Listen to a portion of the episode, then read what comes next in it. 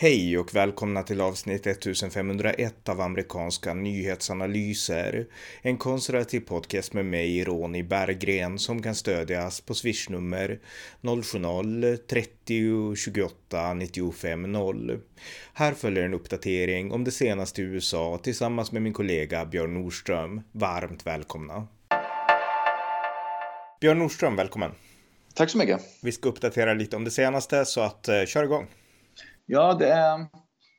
Jag såg en, en uppdatering idag, det var faktiskt med nyheter idag jag såg, så jag gick kredit nyheter idag, men jag gick in och grävde lite in där också.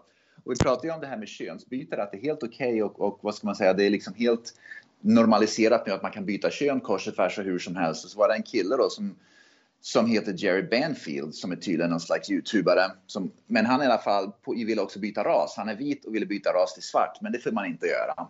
Så poängen med det hela är att ras kan man inte byta. Man kan inte gå från vit till svart, men man kan gå från kvinna till man och man till kvinna. Allt sånt där. Så att det visar det hyckleriet egentligen, att vänstern på något sätt bestämmer vad som är okej okay och inte okej. Okay. Och det har egentligen att göra med att vänstern vill ju inte att man liksom ska, vad ska man säga, eh, man vill på något sätt, man tycker synd om svarta är alltid offer och vita är alltid, alltid gärningsmän. Och då ska man liksom se till att vita inte kan bli svarta. Men det, det, det, en, det allt det skapade kaos det här egentligen. Och jag såg bara på tal om, vi pratade om den här Lea Thomas förut, och det är ju de här collegemästerskapen i simning nu.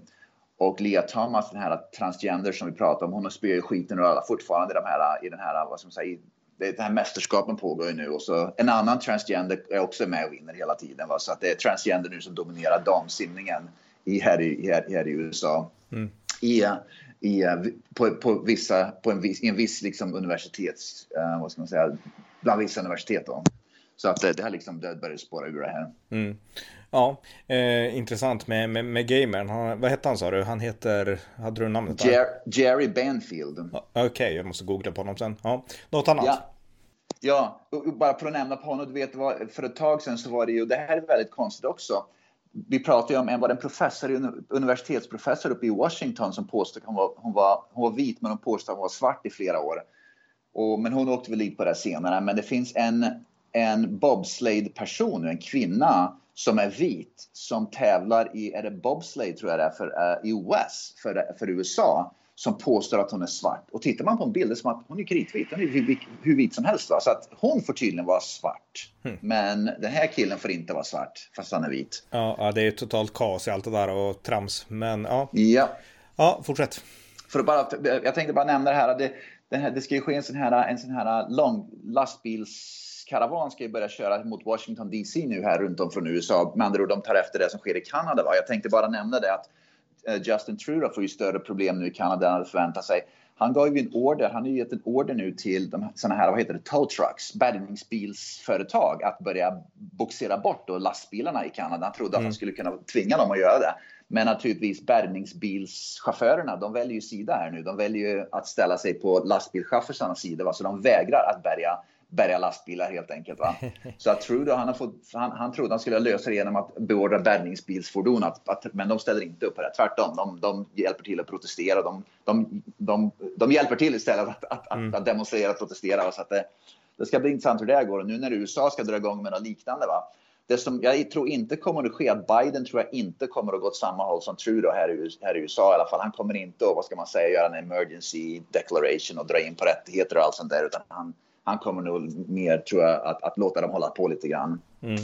Och jag menar, ja, vi kan börja betona det, för vi har inte sagt det i någon podd, alltså Justin Trudeau har alltså förklarat undantagstillstånd för ja. sitt, eh, ja, för att bemöta dem här. Jag skrev en tweet som har trendat jättemycket, jag skrev så här på Twitter igår, att eh, Justin Trudeau behandlar alltså vanliga kanadensiska lastbilschaffisar betydligt hårdare än Sverige behandlar jihadister. Det säger mycket om det tragiska tillståndet både i Kanada och Sverige och vittnar om en västvärld i förfall. Så skrev jag, det har, alltså jag, jag har 1400 likes och 250 delningar Oj. eller någonting.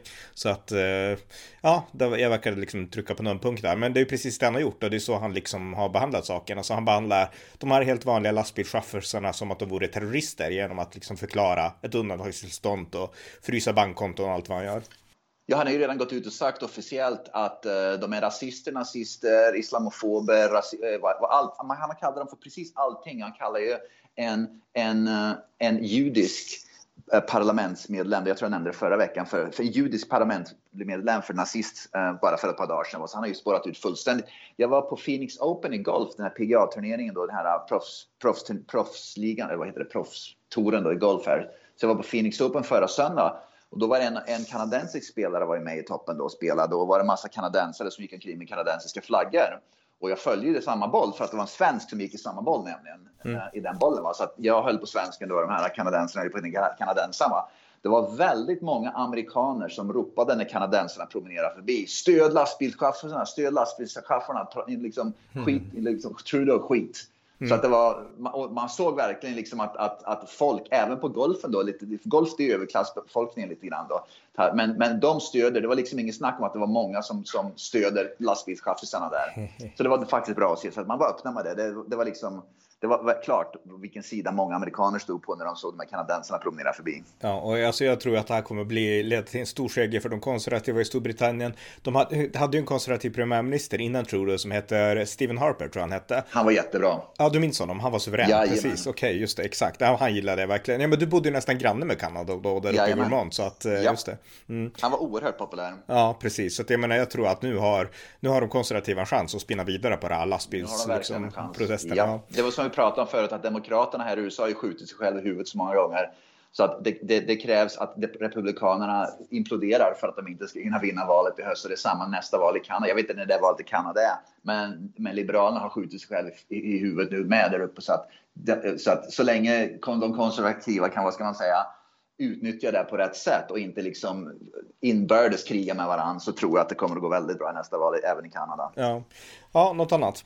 Jajamän, jag såg att du vet Alexander och Casey Cortez som alltid klagar på att alla rika ska beskattas mer och rika hit och rika dit.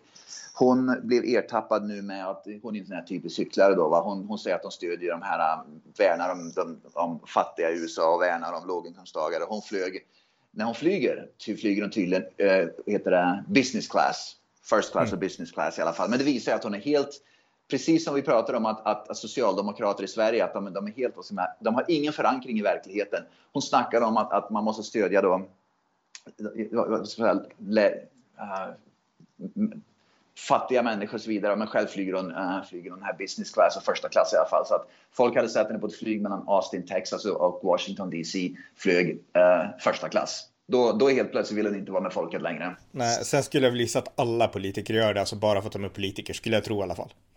Jo, det gör de ju sannolikt med, va? Men, men hon kan ju vara mer öppen och rakt ut och säga det, va? Att, liksom, att det är så vi håller på med. Jag tror mm. att det är samma som att, att det där hyckleriet tror jag att man påstår sig på något sätt att jag är en del av folket och jag är liksom emot de rika och jag är emot allt sånt där. Och hon är dessutom emot flyget. Hon är en av dem som, som, som liksom vill det här Green New Deal och allt sånt där. Mm. Att man är emot, men själv flyger hon första klass, va? men hon är emot flyg och hon är emot, vad ska man säga, att rika människor ska, kan skaffa sig fördelar genom att betala mer.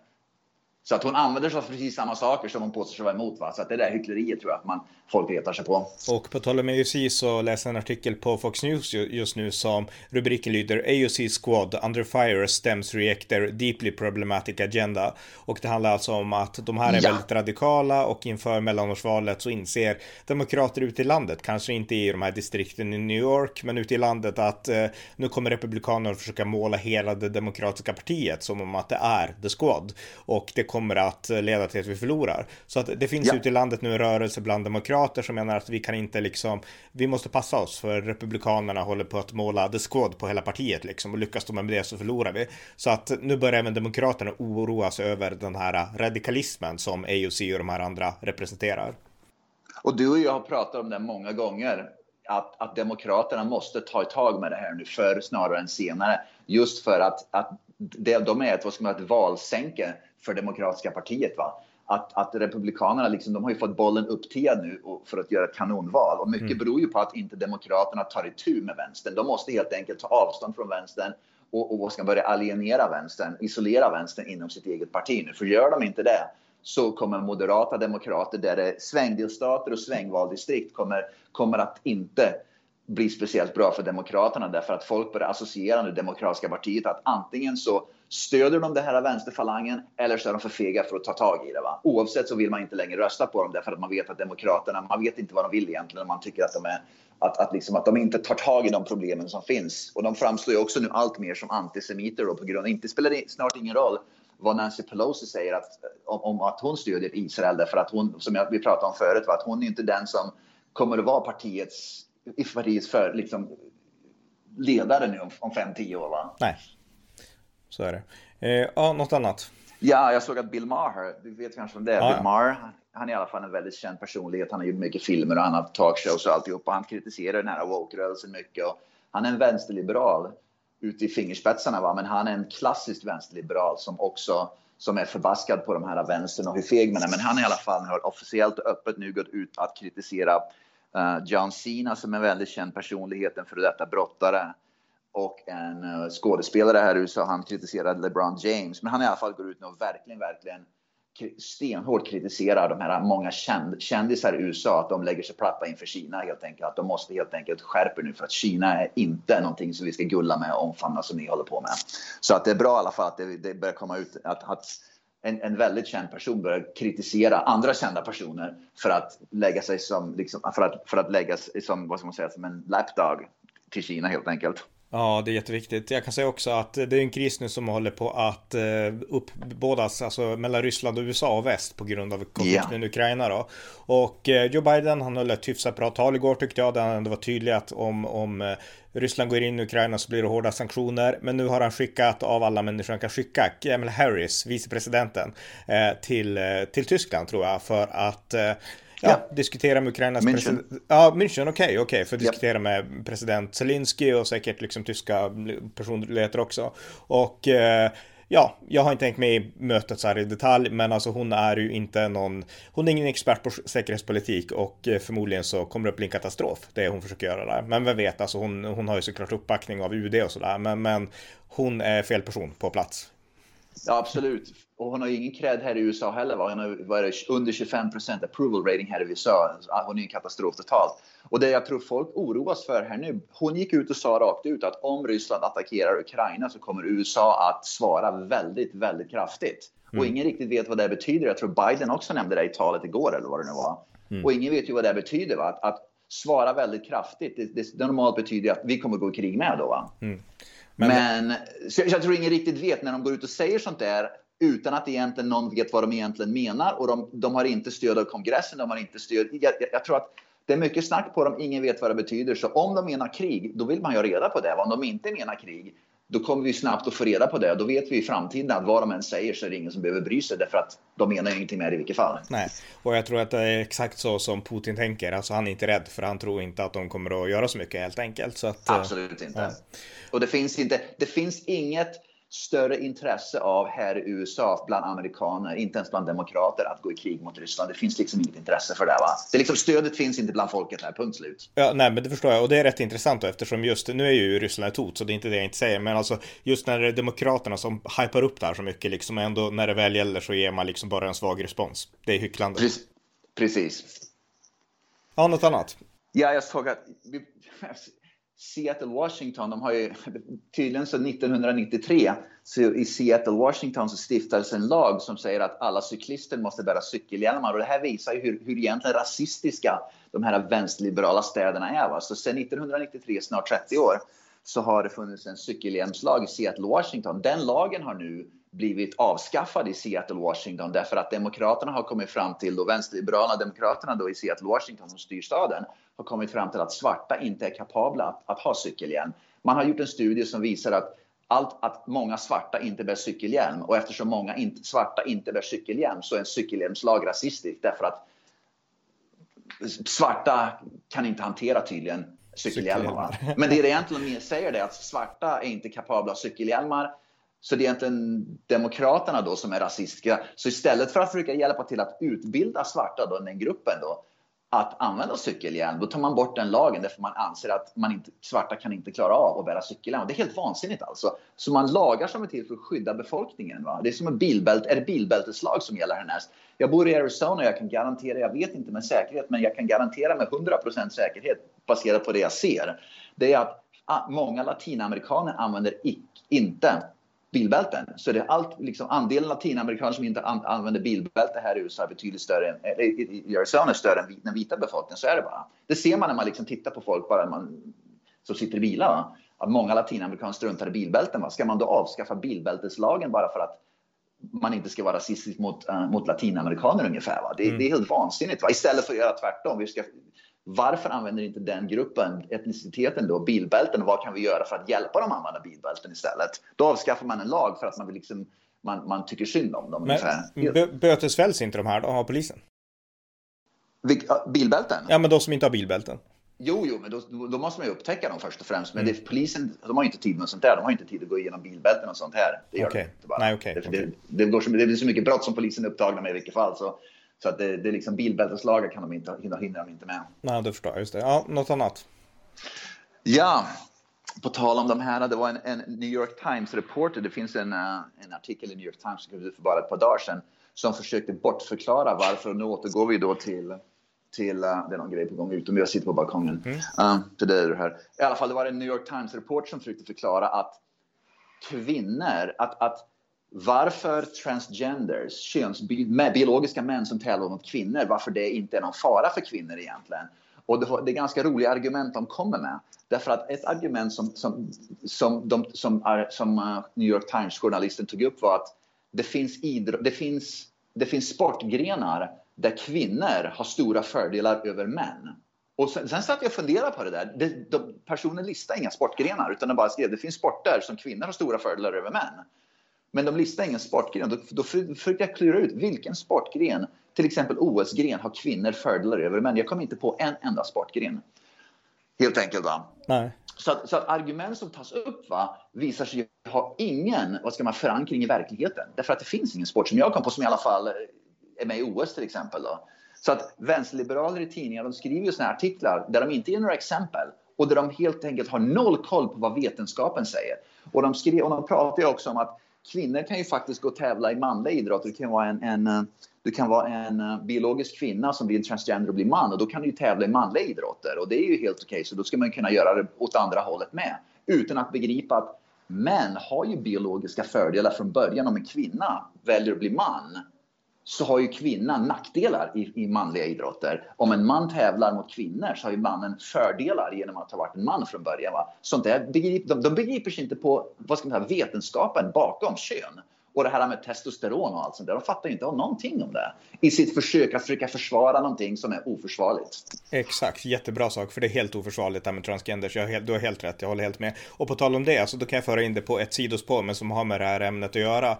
Eh, I höst så kommer ju Amazon att släppa en tv-serie. En extremt påkostad tv-serie av Sagan om ringen, Lord of the Rings. Ja. Och den här, jag ser fram emot den. Rings of Power kommer den heta. Och det har kommit en teaser, inte en trailer, men en teaser. Och jag såg den och jag tyckte ändå att den verkade cool. Men den har fått mycket kritik och jag var också kritisk då till att det är två svarta skådisar. Dels en svart man som spelar en alv och en svart kvinna som ska spela en dvärg. Och alla som har läst, liksom Tolkien, de vet att hans filmer är, hans böcker är inspirerade av fornnordisk mytologi, eh, liksom dvärgar, det är tjocka rödhåriga irländare, Eh, alverna, de är vita, de är blonda och väldigt så här fagra, luciaaktiga liksom. Och eh, de är inte svarta, det är inte svårare än så. Så det här är ju någonting som man gör bara för att liksom. Och eh, Galadriel, hon är också en person som, hon är ju en alvdrottning då. En väldigt så här eh, fager och liksom graciös personlighet liksom. Som i, i böckerna och i de gamla filmerna framställs just som liksom, ja, en åldrad drottning ungefär. Och i den här nya serien så i teasern så ser man en ung Galadriel och då hänger hon med ett svärd på en klippa. Jag har sett en kritisk recension av den här trailern på, på YouTube och eh, hon är liksom en fighter så att säga. Och då säger den här uh, kritiken att det här är ju liksom inte eh, det här är ju totalt woke därför att eh, Tolkien har inte de här kvinnogestalterna alls och det är helt sant, det har han inte utan det här är liksom ett sätt att försöka göra en kvinna till en man. Alltså att hon måste vara tuff och full av testosteron och slåss liksom. Och då börjar jag tänka på det där, jag menar jag är 40 och eh, jag minns ju när man började se film, det var ju liksom, ja, på tidigt 90-tal och då var det lite mer så här ändå könsroller liksom, att mannen var actionhjälten, du vet, Schwarzenegger, Stallone och kvinnorna hade lite andra roller. Sen kom det i mitten av 90-talet, det fanns ju undantag, liksom Sina, krigen, prinsessan och sånt där, men sen kom liksom Tomb Raider med Angelina Jolie som skulle spela liksom så här macho-tjej som slogs. Och sen vart det mer och mer sånt. Och idag när man ser actionfilmer, oavsett om det är nya Terminator med liksom Linda Hamilton eh, och, eller vad man än ser, så är det tjejer ska vara som killar. De ska slåss, de ska sparkas och de ska vara lika hårda liksom rent fysiskt som killar ungefär. Det är ju nästan så i alla filmer man ser. Och den här uh, youtubern har förklarat att liksom kvinnor har helt andra styrkor än män. Till exempel en kvinna kan föda barn, ingen, det är liksom, undrar om en man skulle klara av det ens på det sättet liksom. Och så förklarar han liksom vad kvinnors styrkor är liksom. Han sa att det den här moderna feminismen gör, det är att den ringaktar kvinnor och den förnekar helt det som brukar vara de här klassiska kvinnliga styrkorna som inte är sämre, men de är annorlunda än en mans som oftast är fysiskt starkare. Eh, och det, jag tyckte att det var en perfekt sågning av den här moderna feminismen, för den tvingar ju in att kvinnor att vara som män. Alltså ni är inte bra bara för att ni är starka som liksom klassiska kvinnoroller, utan ni är liksom bra om ni är starka på mäns sätt, att ni kan slåss, att ni kan skrika och härja liksom. Jag tycker det var klockrent, en klockren liksom sågning av, av feminismen. Visst, och den här feminismen är ju faktiskt en extremt kvinnofientlig rörelse. Dagens feminism, inte mm. ursprungsfeminismen.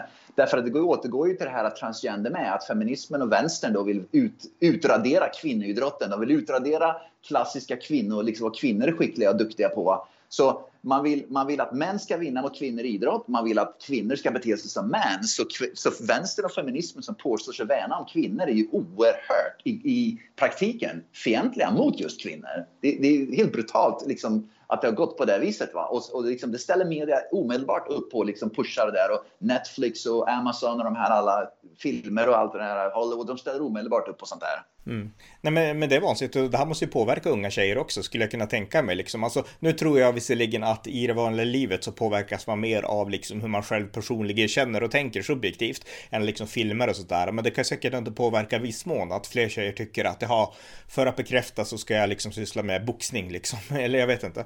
Men, eller då dunkar ni folk på gatan ungefär? Ja, lite så. Och det blir ju fler tjejer som är liksom med i sådana också, gäng och sånt och göra sådana saker. Ja. Så att, ja. ja, fortsätt. Jajamän, Eric Adams som är nu uh, ny borgmästare i New York City i alla fall. Vi har ju pratat om att under Bill de Blasio gick i New York City åt helvete. Eric Adams som är ny borgmästare, han verkar vilja ta tuffare tag. Han återgår nu till mer av vad Rudy Giuliani gjorde under 80-talet, med Giul var det 90-talet? Någon gång där. Mm. När han blev borgmästare i alla fall. Tunnelbanan i New York är ju total katastrof nu. Det är hemlösa som bor där, de bor, de sover i vagnarna, det är hur mycket brott som helst. Är, folk sitter i tunnelbanevagnar och bokstavligen liksom sprutar in droger i sig och håller på. Va? Mm. Så han har gått ut och sagt att han tänker städa upp tunnelbanan totalt. Han ska kasta ut de hemlösa, han ska göra inga droger, ingenting. Med andra ord, han återgår till nolltolerans.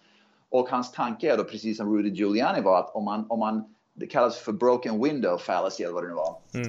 Att om man, gör, om man gör ett litet brott ska man omedelbart anhållas och, och åtalas för det brottet därför att små brott leder i större brott, leder i stora brott, till slut leder det till mord. Och om man stoppar de människor från att göra små brott, då vill man inte fortsätta i brottets bana. Va? Och, det, och det hållet som Eric Adams går. Så Eric Adams som är demokrat introducerar nu, eller återintroducerar nu Eh, Rudy Giulianis strategi för att återta New York City och göra det säkrare helt enkelt. Det är väldigt intressant att, att Demokraterna fick till sist en egen Rudy Giuliani i princip. Vi får se hur det går, men det visar i alla fall att, att att New York har gått helt åt skogen. Att Bill de Blasio var förmodligen den sämsta borgmästaren i New Yorks historia. Ja, precis. Och eh, det är ju spännande att eh, Eric Adams är både svart och demokrat. Det är ju jätteintressant alltså. Så att precis. Republikanerna hade rätt. Gällande Rudy Giuliani så anser jag att hans glansdagar är över. Och eh, jag tycker inte att han är någon sån här superhöjdare längre. Men nu har han hamnat i ett, en fight med Eminem i alla fall. Och ja, jag såg det. Rudy Giuliani var arg för att Eminem, han, han tog en ny, alltså han knäböjde då för att sympatisera ja. med Black Lives Matters. Och det det sympatiserar jag inte alls med såklart, då, utan jag håller ju rent sakligt på Rudy Giuliani. Men då gjorde, jag tror att det var Stephen Colbert som satte ihop det här, jag tror inte Eminem personligen var inblandad, men det vet jag inte. Men han gjorde i alla fall en video där man liksom bytte ut orden i några av Eminems gamla låtar och så, så drev han med Rudy Giuliani och det, det är superkul. Så att ni som vill kan ändå titta på det på YouTube, sök på Stephen Colbert, Eminem, Rudy Giuliani eller någonting. Väldigt rolig video. Um, ja, om jag fattar rätt så svarar Eminem på det. Jag har inte läst svaret, men jag, jag läste någonstans, jag såg i förbifarten bara att Eminem svarar på, till Rudy Giuliani, men jag har inte läst vad han svarar, så det ska finnas ett svar som det är där ute, flyter runt någonstans. Ja, just det, det går också att googla. Men kolla på videon, den är jätterolig. Nåväl, något annat? Yeah. Ja, jajamän, vi pratade ju om att, att uh, uh, i det här San Francisco så var det den här school board uh, som vi pratade om, som som blev sparkade för att vara för mycket aktivister. Så till och med vänsterliberala San Francisco gjorde sig med tre stycken eh, skolledningsmedlemmar därför att de var för aktivistiska. De aktivisterna nu i alla fall kontrade med och sagt att San Francisco styrs av, av vitmaktsrörelsen och det var därför de ville göra sig av med de personerna. Mm. Så att det, blir, så det, det är helt bisarrt alltså hur folk håller på. Alltså, att man får man inte vara aktivist och jobba inom skolledningen och då blir man av med positionen inom skolledningen. Va? Då är det vitmaktsrörelsen som vill göra sig av med den. Samma, med andra ord, i ett San Francisco som är extremt vänsterliberalt till att börja med. Helt otroligt. Ja, så ingen är vitmakt där alltså? Nej, förmodligen Nej. absolut inte. Du, det finns inte en suck att du hamnar på en schoolboard någonstans i USA, men framförallt inte i vänsterliberala San Francisco om du, är, om du har någon koppling till vitmaktrörelsen. Men då blir du anklagad för det bara för att du vill att skolbordsledningen ska, ska fokusera sig på barns utbildning och inte på aktivism. Då är man genast vitmaktrörelse. Det är alltså, ja, alltså. Det, det, det, det är synd att liksom, det går inte att hålla normala debatter. Det går liksom inte att förvänta sig normala beteenden längre. Därför att så fort man vill ha en normalisering av någonting, då är man vitmaktrörelse eller man är nazist. Det var ju som i Sverige ungefär. Man vill ha en normal invandringspolitik, ja, då är man rasist och nazist ungefär. Va? Det är helt otroligt att vänstern har lyckats skapa ett sånt fruktansvärt hemskt debattklimat att det har förstört totalt för allt och alla. Att det går inte längre att ha debatter om någonting. Inte här i USA heller. Nej, nej visst. En annan nyhet är att Black Lives Matters, de har blivit avstängda från Amazons eh, donationsprogram. Ja. Och eh, det beror på att de har samlat in massa pengar utan att ha redovisat varifrån pengarna kommer. Och eh, ja, det visar ju återigen alltså Black Lives Matters, korruption. Ja, samma, samma Amazon som donerar massa pengar till Black Lives Matter för ett par år sedan. Så det är ganska roligt. Ena året donerar de pengar till Black Lives Matter, nästa år så får man inte längre samla in pengar åt Black Lives Matter på samma plattform. Men det blir ja. ganska komiskt. Ja, verkligen. Ja, något annat? Jajamän, om du vet vem Brian Cranston är. Han var ju då skådespelaren i Breaking Bad. Om du har sett den tv Nej, jag har inte sett den. Jag har sett, jag, alla har sett den är bra, men det var, det var länge sedan. Nej, jag har inte sett den. Nej. Jajamän, han är i alla fall en väldigt känd skådis här i USA. Han har nu i alla fall gått ut officiellt och sagt att han han har inte sett sin egen vita. Han, han kritiserar sig själv för att ha varit sin white blindness. Han har inte sett hur att han har praktiserat sin vithet privilegierad för mycket och han måste förändra sig för att förstå att han är en privilegierad vit helt enkelt. Så att han, ja. han har väl hamnat i woke-rörelsen nu med helt enkelt på något sätt. Ja, och han, okay. han, och han, han, han blev erbjuden ett jobb som var det producent, tror jag det var, för, en, för en, någon slags ny serie eller vad det nu Men han tackade nej till det för han sa att jag har fel hudfärg. Helt otroligt. Ja, precis. Men de här i Lord of the Rings, den svarta som ser ut som Don Lemon och, och kvinnan, de tackar ja trots att dvärgar och alver inte ser ut så. Jajamän, ja. då, då går det. Därför att mm. liksom, allt går bara åt ett håll. Det är det som är grejen också. Va? Det är som cykleri, allt går bara åt ett håll. Ja, och på tal om det, jag måste inflika en sak till. Jag kan ha sagt det i någon tidigare podd, men den värsta rollen av alla, det finns inget värre. Jag är en stor fan av Stephen King, den här skräckfattaren då, mycket av hans filmatiseringar och jag har läst många av hans böcker. Och häromåret så kom det en filmatisering av Dark Tower, alltså Mörka tornet på svenska. Och eh, där var det en svart skådespelare, Idris Elba heter han, som spelade Roland. Och Roland är då huvudpersonen. Och Stephen King har byggt Roland på Clint Eastwood. Det är liksom Clint Eastwood som är liksom grundarketypen för den här Roland, The Gunslinger. Mm. Och eh, han spelas alltså som en svart skådis och det var helt, det skar sig totalt när man såg filmen. Och sen var det en dålig film också, med en dålig filmatisering. Men eh, ja, det är liksom ett skräckexempel på liksom när man verkligen inte ska ha liksom, du kan inte ha en svart skådespelare som ska spela Clint Eastwood. Det är liksom en klassisk cowboyroll, tyvärr alltså. Ja visst. Och det vi ser också det är att många av de här woke-filmerna, de går inte speciellt bra finansiellt heller, va? för folk går inte att titta på dem. Va? Därför att man vet, intresset finns inte, det finns inte tillräckligt många människor att titta på filmerna. Va? Så de tjänar inte tillräckligt mycket pengar. Så vi är någon slags övergångsperiod, ge det två, tre, fyra år till så tror jag att det kommer återgå till det mer normala där man inser att, att om man ska spela en, en, en gammal klassisk brittisk kung och i, liksom, i, i en Shakespeare-roll ungefär, då ska det vara en vit person helt enkelt. Va? Men det, det, man, man, det, finns ju inte en suck att man skulle låta en vit skådespelare spela Muhammad Ali till exempel, eller Michael Jordan eller Michael Jackson eller något sånt där i en film. Kanske Michael Jackson, vad jag vet. Men, men i alla fall, så att man gör ju ingenting där en vit ska göra svarta roller, utan allt ska vara svarta ska göra traditionellt vita roller. Men, men pengar är alltid det som styr allt till sist, så det kommer att återgå till det mer normala så småningom när väl företagen inser att pengarna inte helt enkelt, när pengarna sinar. Exakt, God bless capitalism. ja, ja, i det fallet ja. Ja, något annat? Ja, det finns en journalist som heter Juan Williams. Han, han är, mm. han är vänsterliberal demokrat. Han har arbetat för Fox News i alla fall. Han skrev en artikel nyligen där han går ut och kraftigt kritiserar rapmusiken. Det finns tydligen något som heter nu rap music, som heter drill, drill music. Drill är en slags ny form av rapmusik. Drill betyder man skjuter ihjäl folk. Man liksom det är drill and kill. Liksom skottlossningar. Okay. Man drill people med, med, man drill folk med, med skott. Och han säger att den här svarta musiken, som bygger på nu att man ska liksom skjuta, skjuta, döda, döda va, är frukt, är väldigt, väldigt dålig för den svarta befolkningen i USA. Att det här, det här liksom, den musiken helt enkelt eh, skapar bara mer rasproblem i USA för att den musiken bygger på svarta, gå ut och skjut vita ungefär. Så att eh, det, liksom, det finns, jag tror att det finns allt fler nu svarta. Och när Juan Williams som är väldigt demokrat, väldigt vänsterliberal, går ut och påpekar att det här är ett problem som gör att det blir liksom bara mer rashets i USA så då liksom börjar det finnas hopp lite grann faktiskt. Ja, ja verkligen. Det, det, och den här artikeln finns på Fox News. Rap and drill music is part of America's racial problem heter den. Precis. Ja. Eh, den ska jag läsa för jag är rätt intresserad av. För jag menar, vi nämnde Eminem nyss. Jag tyckte han var jättebra förut och jag, jag, jag gillar honom liksom. Man kan tycka vad man vill om vissa saker, men jag gillar honom. Och eh, en del rap och så. Men alltså, det är inget snack om att även om det här har funnits, funnits i rapkulturen mycket med vapen, det har alltid funnits från Tupac och framåt liksom, alltså under ja. hela existensen,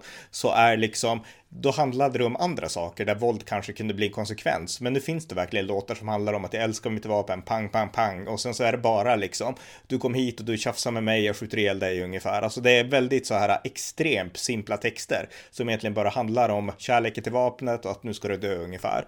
Så att, eh, ja, det, det, musiken radikaliseras, verkar det ju som, av det lilla jag ja. kan. Precis, så just han tar upp att det här påverkar rasrelationerna och det påverkar framförallt den svarta befolkningen i USA negativt. Mm. Det är väl det hans poäng är. Ja. ja, något annat? Ja, två stycken bra grejer som är på G här i Arizona. Nummer ett är att, att uh, uh, rep representanthuset här har godkänt att critical race theory, uh, man, vill göra, man vill förändra Arizonas delstatskonstitution för att förbjuda att CRT, critical race theory, ska kunna undervisas här i Arizona. Så man vill gå längre än att bara stifta en lag. Man vill ändra i konstitutionen här i delstaten för att inte det ska få undervisas. Så det, det hoppas jag verkligen går igenom. Ja. Tyvärr så behövs det sånt där. Men om det går igenom alldeles utmärkt. Och det andra grejen är man eh, eh också som Arizonas representanthus har gjort är att de har eh, eh vad, vad heter det, godkänt en motion. Det måste gå igenom senaten med, men det tror jag den kommer göra och även uh, guvernören kommer skriva på den. Uh, där alla maskmandat kommer att förbjudas, i, förutom på sjukhus. Men, men skolor och, och, företag och allting får inte längre ha några maskmandat. Så det är i alla fall på gång det också. Just det, okej, okay, just det. Ja. Eh, ja, vad bra. Har du något annat? Um, Nej, jag tror det var det för den här gången. Ja, okej, okay, men perfekt. Tack. Ja, tack så mycket. Det var avsnitt 1501 av amerikanska nyhetsanalyser. En konservativ podcast med USA som kan stödjas på swishnummer 070-30 28 95 0 eller via hemsidan på Paypal, Patreon eller bankkonto. Det var allt för den här gången. Tack för att ni har lyssnat.